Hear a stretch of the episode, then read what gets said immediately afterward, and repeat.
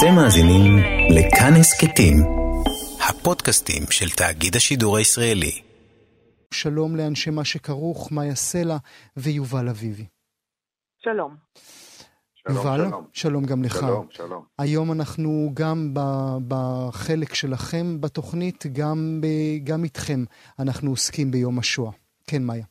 נכון, אנחנו נדבר היום על דמותו של היטלר, שחשבנו שכבר אה, כתבו עליו הכל, שכבר פענחו את דמותו, אבל אה, אבנר שפירא, סגן עורכת מוצב ספרים של עיתון הארץ, אה, קרא לא מעט ביוגרפיות וספרי מחקר שעוסקים בהיטלר והתפרסמו בשנים האחרונות, ומסתבר שיש מה לחדש שם, אז שלום אבנר שפירא. שלום מאיה, יובל וגואל. שלום. אה, בוא, אולי נתחיל, אבנר, עם אה, 100 הימים הראשונים לשלטונו של היטלר, אה, ו- והאופן שבו הוא ביסס את השליטה שלו במאה הימים האלה. אה, נכון, אז אחד הספרים שיצאו ממש לאחרונה, אה, ספר של היסטוריון בשם אה, פיטר אה, פריטשה, שלא מנסה להציג אה, את כל הקריירה של היטלר, אלא ממש להתמקד אה, באותם אה, 100 ימים שבין המינוי שלו לקאנצלר ב-30 בינואר 33 ועד אה, פחות או יותר תחילת מאי 33, אה, הזמן שבו היו אירועי שרפת הספרים הגדולים בגרמניה. אה, מה שהוא מנסה להראות איך באותם 100 ימים, בצורה מאוד זריזה ויעילה, היטלר הצליח לא רק לפרק את הדמוקרטיה שהייתה בגרמניה לפני עלייתו לשלטון, אלא אפשר לומר לבנות דיקטטורה פופולרית, זאת אומרת דיקטטורה ש, שזוכה לתמיכת העם, כמובן תוך כדי מהלכים מאוד קיצוניים, אבל ההקשר האקטואלי שאולי מעניין מעבר אה, לעובדות ההיסטוריות הוא באמת ה- אה, ה- המבט אל האופן שבו דמוקרטיה יכולה אה, לקרוס בתקופה מאוד מאוד קצרה. אז מה, מה הוא עשה בעצם?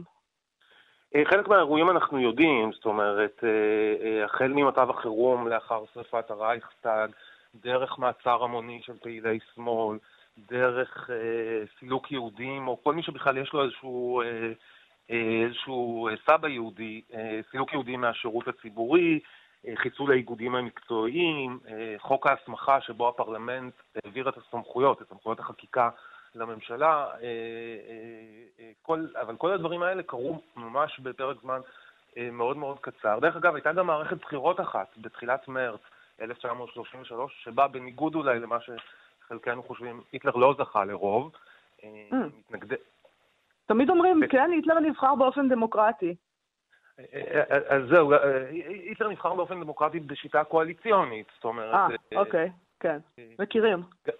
כן, וגם לאחר שהוא כבר היה קאנטר והיו בחירות נוספות, הוא לא זכה בהם לרוב מוחלט, אלא- רק, עם או בלי מחאות, ל-44% מהקולות.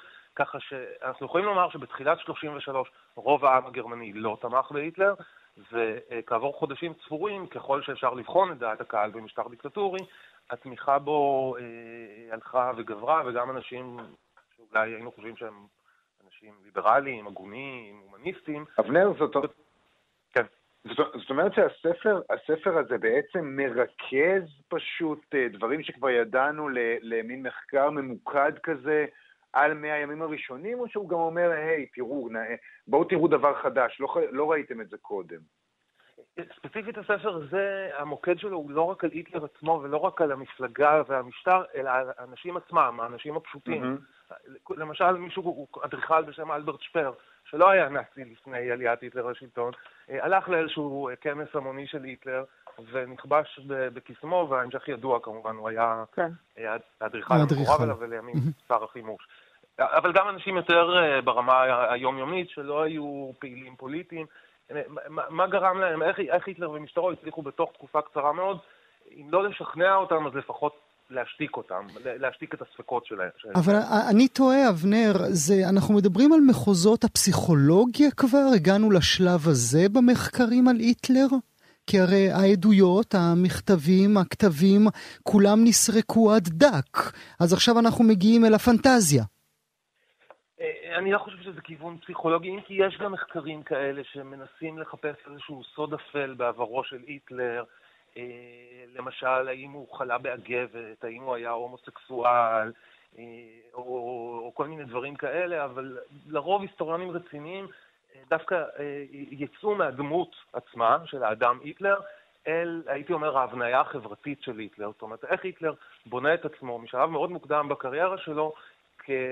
תסלח לי על המילה, כגואל של גרמניה. וכבר כשהוא היה... לא מתאים היום, לא מתאים, לא מתאים היום. סליחה, אני מתנצל.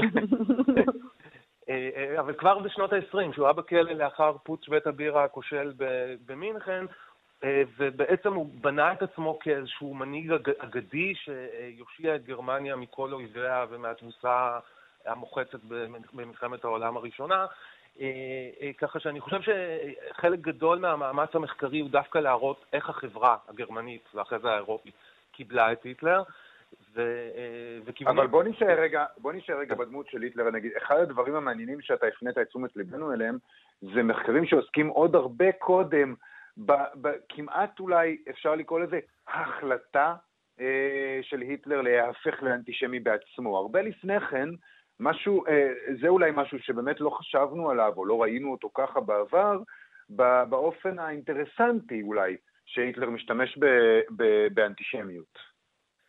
נכון, אז כמה מחקרים מעניינים שיצאו בשנים האחרונות שואלים בעצם את השאלה מתי היטלר נהפך להיות היטלר באותו מובן שאתה מדבר עליו, להיות אנטישמי קיצוני, האם זה אידיאולוגיה טהורה אה, או, או שזה איזשהו אינטרס פוליטי שבשלב מסוים בקריירה הוא אמר לעצמו, אה, אני יכול לנצל את האנטישמיות, שוב, על רקע הרוחות ש, ששלטו בתקופה, לאחר התבוסה במלחמת העולם הראשונה והמתיחות הפוליטית בגרמניה.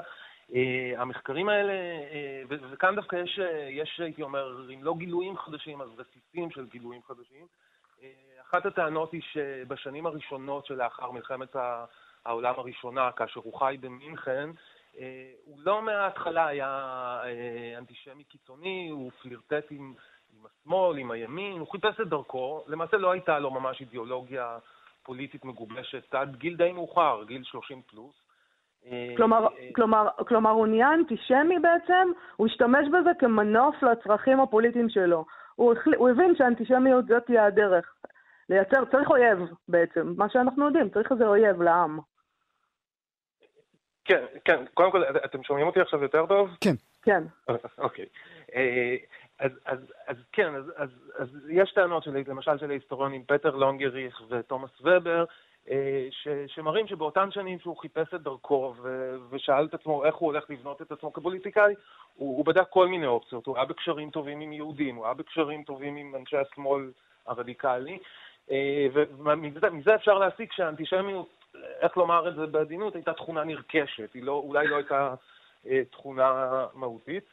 עוד, אני אגיד עוד משפט אחד, שאותו תומאס ובר ש, שהזכרתי פרסם ממש לאחרונה אה, מאמר מאוד מעניין, שבו אה, מסתבר על סמך עדות של גרמניה מבוגרת, שבינתיים כבר נפטרה, אה, שההורים שלה השכירו חדר להיטלר בביתם במינכן עוד לפני מלחמת העולם הראשונה, והיא מעידה, על סמך זיכרונות הילדות שלה והזיכרונות שההורים שלה סיפרו לה, שכבר אז, זאת אומרת, שהוא הגיע כבר מווינה רווי בתחושות שנאה עזה ליהודים, וזה עלול לשנות את השאלה מתי בעצם אה, הוא התחיל לגבש את האנטישמיות. למה זה, למה זה חשוב לעולם או להבנה שלנו את אותם שנים, אם הוא היה אנטישמי ב-1907 או אנטישמי ב-1909?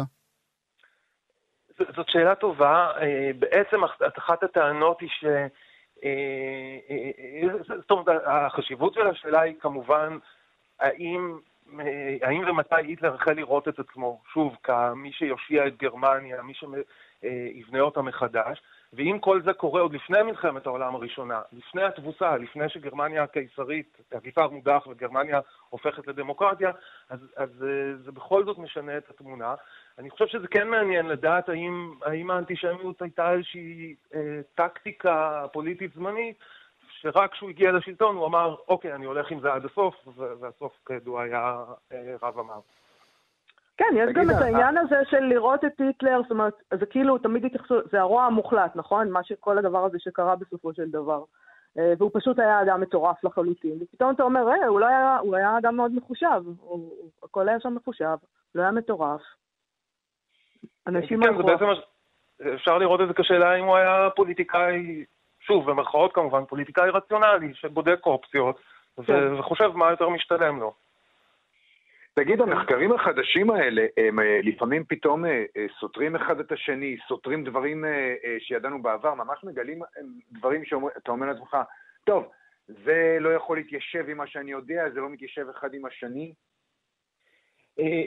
אני חושב שגילויים חדשים, ממש ברמה של עדויות ומסמכים ומכתבים, כאלה אין הרבה בגלל השנים הרבות שחלפו.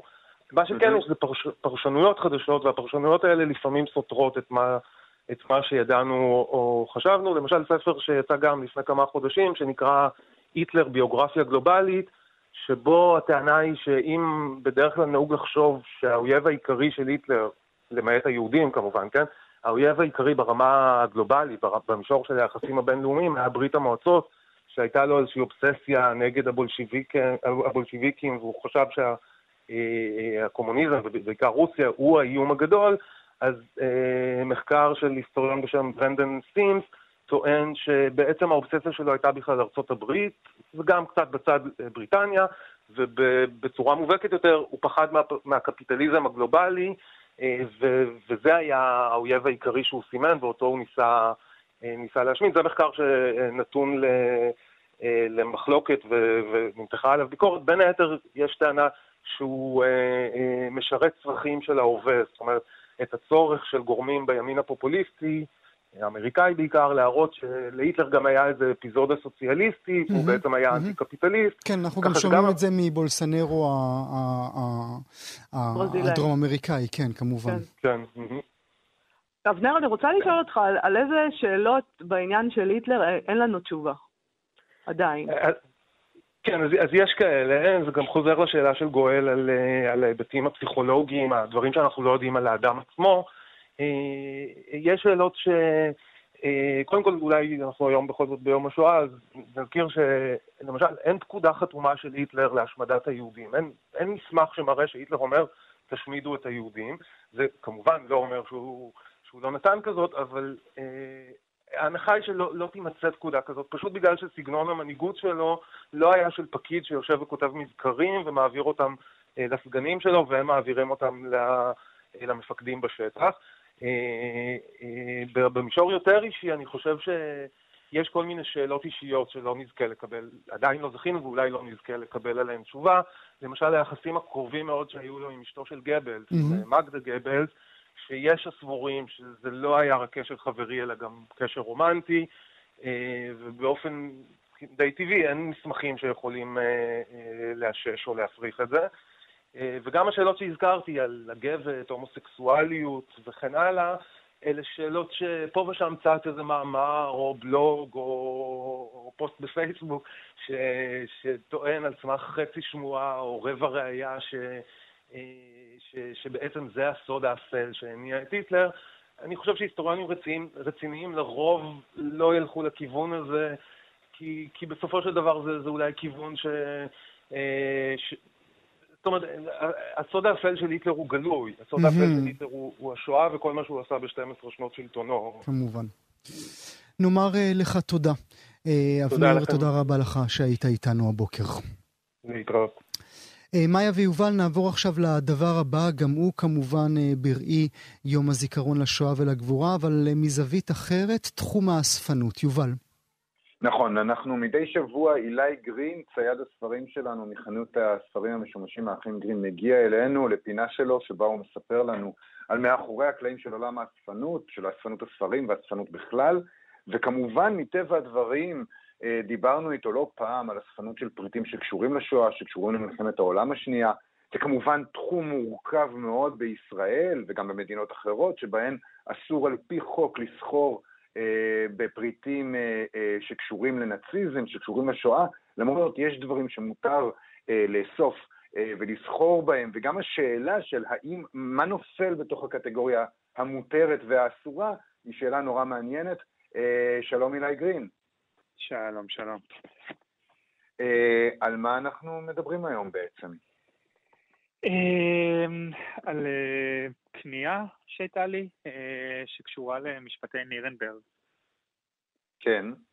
כן, אוקיי, אז לפני מספר חודשים הייתי בפינוי דירה של מישהו שהוא הבן של בחורה בשם אה, מרגו שלגי, שהייתה מתרגמת במשפטי נירנברג. היא הייתה חיילת יהודייה צעירה בצבא הבריטי, אה, ובתפקיד שלה, מכיוון שהיא ידעה הרבה שפות, היא צוותה אה, לצוות התביעה של הצבא הבריטי, והיא הייתה בנירנברג בין השנים 1946 ל-1948 או 9. תרגום סימולטני כזה של המשפט? אה, כנראה, לא הצלחתי כן. להבין עד הסוף מכל החומרים שיש שם. בבית היה המון המון מסמכים אה, בעצם שקשורים לתביעה, ואני קניתי שם מספר ספרים ממש אה, שיצאו live בשנות המשפטים. אוקיי. אוקיי. מה, מה למשל? כמה?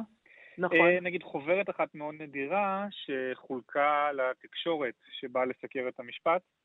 אה, שהיה שם אה, סקירה קצרה על, אה, על הנאשמים, על, היה שם ריבנטרופ, גבלס וכל מיני מהנאשמים שעמדו שם במשפט, ממש יש שם גם רישום של, ה, של כל המתחם המשפטי, מי עומד למשפט באיזה חלקה, איפה התקשורת יכולה להיכנס, איפה השופטים נמצאים. כן, חומר לעיתונות. חומר לעיתונות, ממש. זה רישום מדהים, אה, בין השאר אפשר לראות שם, אה, אני מספר למאזינים שלא יכולים לראות, כיוון ששלחת לנו, ממש אפשר לראות רשימה של כל הנאשמים ממוספרים, ומאחוריהם יש חלק קטן שממוספר שכתוב עליו מעלית לכלא, זאת אומרת, הדרך שבה המעלית מעלה אותם ישר אל המושבים אה, של בית המשפט. זה, זה, האמת היא שזה שרטוט מדהים. כן, וממש רשום שם אה, אה, איפה נמצא התא של אה, גרינג, של רודולף הס, של ריבנטרופ, ועוד המון פש... פושעי מלחמה נאצים. ויש ממש פסקת סיכום קצרה לעיתונות על מה היו הפשעים של כל אחד מה... מהבכירים בצבא הנאצי. אז מה, אתה, אתה הלכת לדירה, לפנות דירה, ופתאום נתקלת בחומרים האלה? ראית פעם דבר כזה לפני זה? לא, אני ביליתי בדירה הזו לפי דעתי חמישה-שישה ימים. אה, אוקיי. אה, מה, כן, מה עוד ב... היה שם? היו שם מסמכים שהם לא מכרו לי, אה, מסמכי אה, ממש אה, מהתביעה עצמה. כל מיני, אה, אה, אה, נגיד, הגנה של... נגיד רודולף קסנר היה עד תביעה בהגנה מסוימת, אז זה ממש המסמך עצמו של העדות של קסנר, של קסנר במשפט של אחד מהבכירים הנאצים, ותרגום לאנגלית וצרפתית נניח. תגיד, מותר להם להחזיק בדברים האלה בכלל? זאת אומרת, אני, מה, מתקשה להבין... מה, זה שלה, זה של האישה. היא עבדה שם, אני מניח שכן, כן. אני... אבל, אבל אתה יודע, זה מחזיר אותנו לשאלה שבאמת אה, שווה לדבר עליה שוב, לגבי מה, מה מותר ומה אסור בתחום המאוד מאוד עדין הזה. מה נכנס בתוך אה, אה, מה שנקרא ממורביליה נאצית, אה, ומה הוא בתחום האפור, מה בתחום הלבן. מבחינת החזקה פרטית, אה, זו שאלה, הרבה מתעסקים בה. אה, נגיד, לא מזמן היה מכירה פומבית של... מכתבים, מספר, כן. מכתבים ומספר טלאים צהובים מהשואה, ו... והרשויות פנו ואסרו את המכירה בעצם, למרות שמצד שני רואים שהמון כן מצליחים למכור. לא, אין פה אכיפה ברורה אף פעם. אבל בגדול, כן, החוק אומר שאסור לסחור בדבר הזה, אבל מותר להחזיק את זה בידיים פרטיות, בעיקר בגלל שיש פה דורות שניים ושלישיים, לאנשים שחוו את זה. את החוברת הזאת, שאת, את החומרים האלה שאתה מצאת אצל האישה הזאת, וכן כן. קנית אותם, אתה... זה דברים שיצאו, זה דברים שיצאו בעצם לשימוש מסחרי, אז כמובן שכן מותר להחזיק בהם, וכן נתנו לי לרכוש אותם.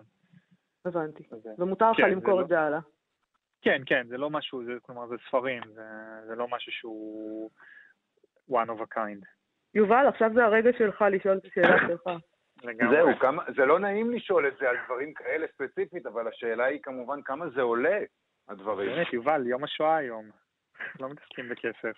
קדימה, כמה זה עולה? כן, אה, זה החוברת 200 ש"ח, והספר צילום המאוד מאוד יפה, גם באזור ה-200 ש"ח, בעיקר בגלל שהוא לא במצב הכי טוב. אני קצת עמום, זה דברים שהיית בטוח שהם יהיו אה, אה, הרבה הרבה יותר אה, יקרי ערך מזה. שוב, זה לא פריט אספנות ייחודי מאוד, זה פריט שיצא בטח בתפוצה מאוד גדולה לתקשורת שם, וככה מהמחקר הבסיסי שעשיתי באינטרנט, הוא נמכר בהמון אתרים, בכמה עשרות דולרים ל-100 דולר. אוקיי. אה, אילי גרין, צייד הספרים שלנו, מחנות הספרים המשומשים מהאחים גרין, תודה רבה לך על השיחה הזאת. בכיף. אנחנו uh, מסיימים עם uh, פינת הגנזים שלכם, הפעם עם נאום uh, שנשא המשורר אורי צבי גרינברג. הוא נשא אותו במעמד קבלת פרס ביאליק ב-1955, עשר שנים לאחר תום מלחמת העולם השנייה. נכון, זה נאום דרמטי מאוד, שכתבו עליו גם בעיתונים ביום המחרת, תחת הכותרת, לא הייתה שואה, היה חורבן עם. אה, אפשר למצוא את הנאום המלא בספר אה, נאום לכל עת של דוקטור תמר ברוש, זה יצא בהוצאת אה, ידיעות בשנת 93.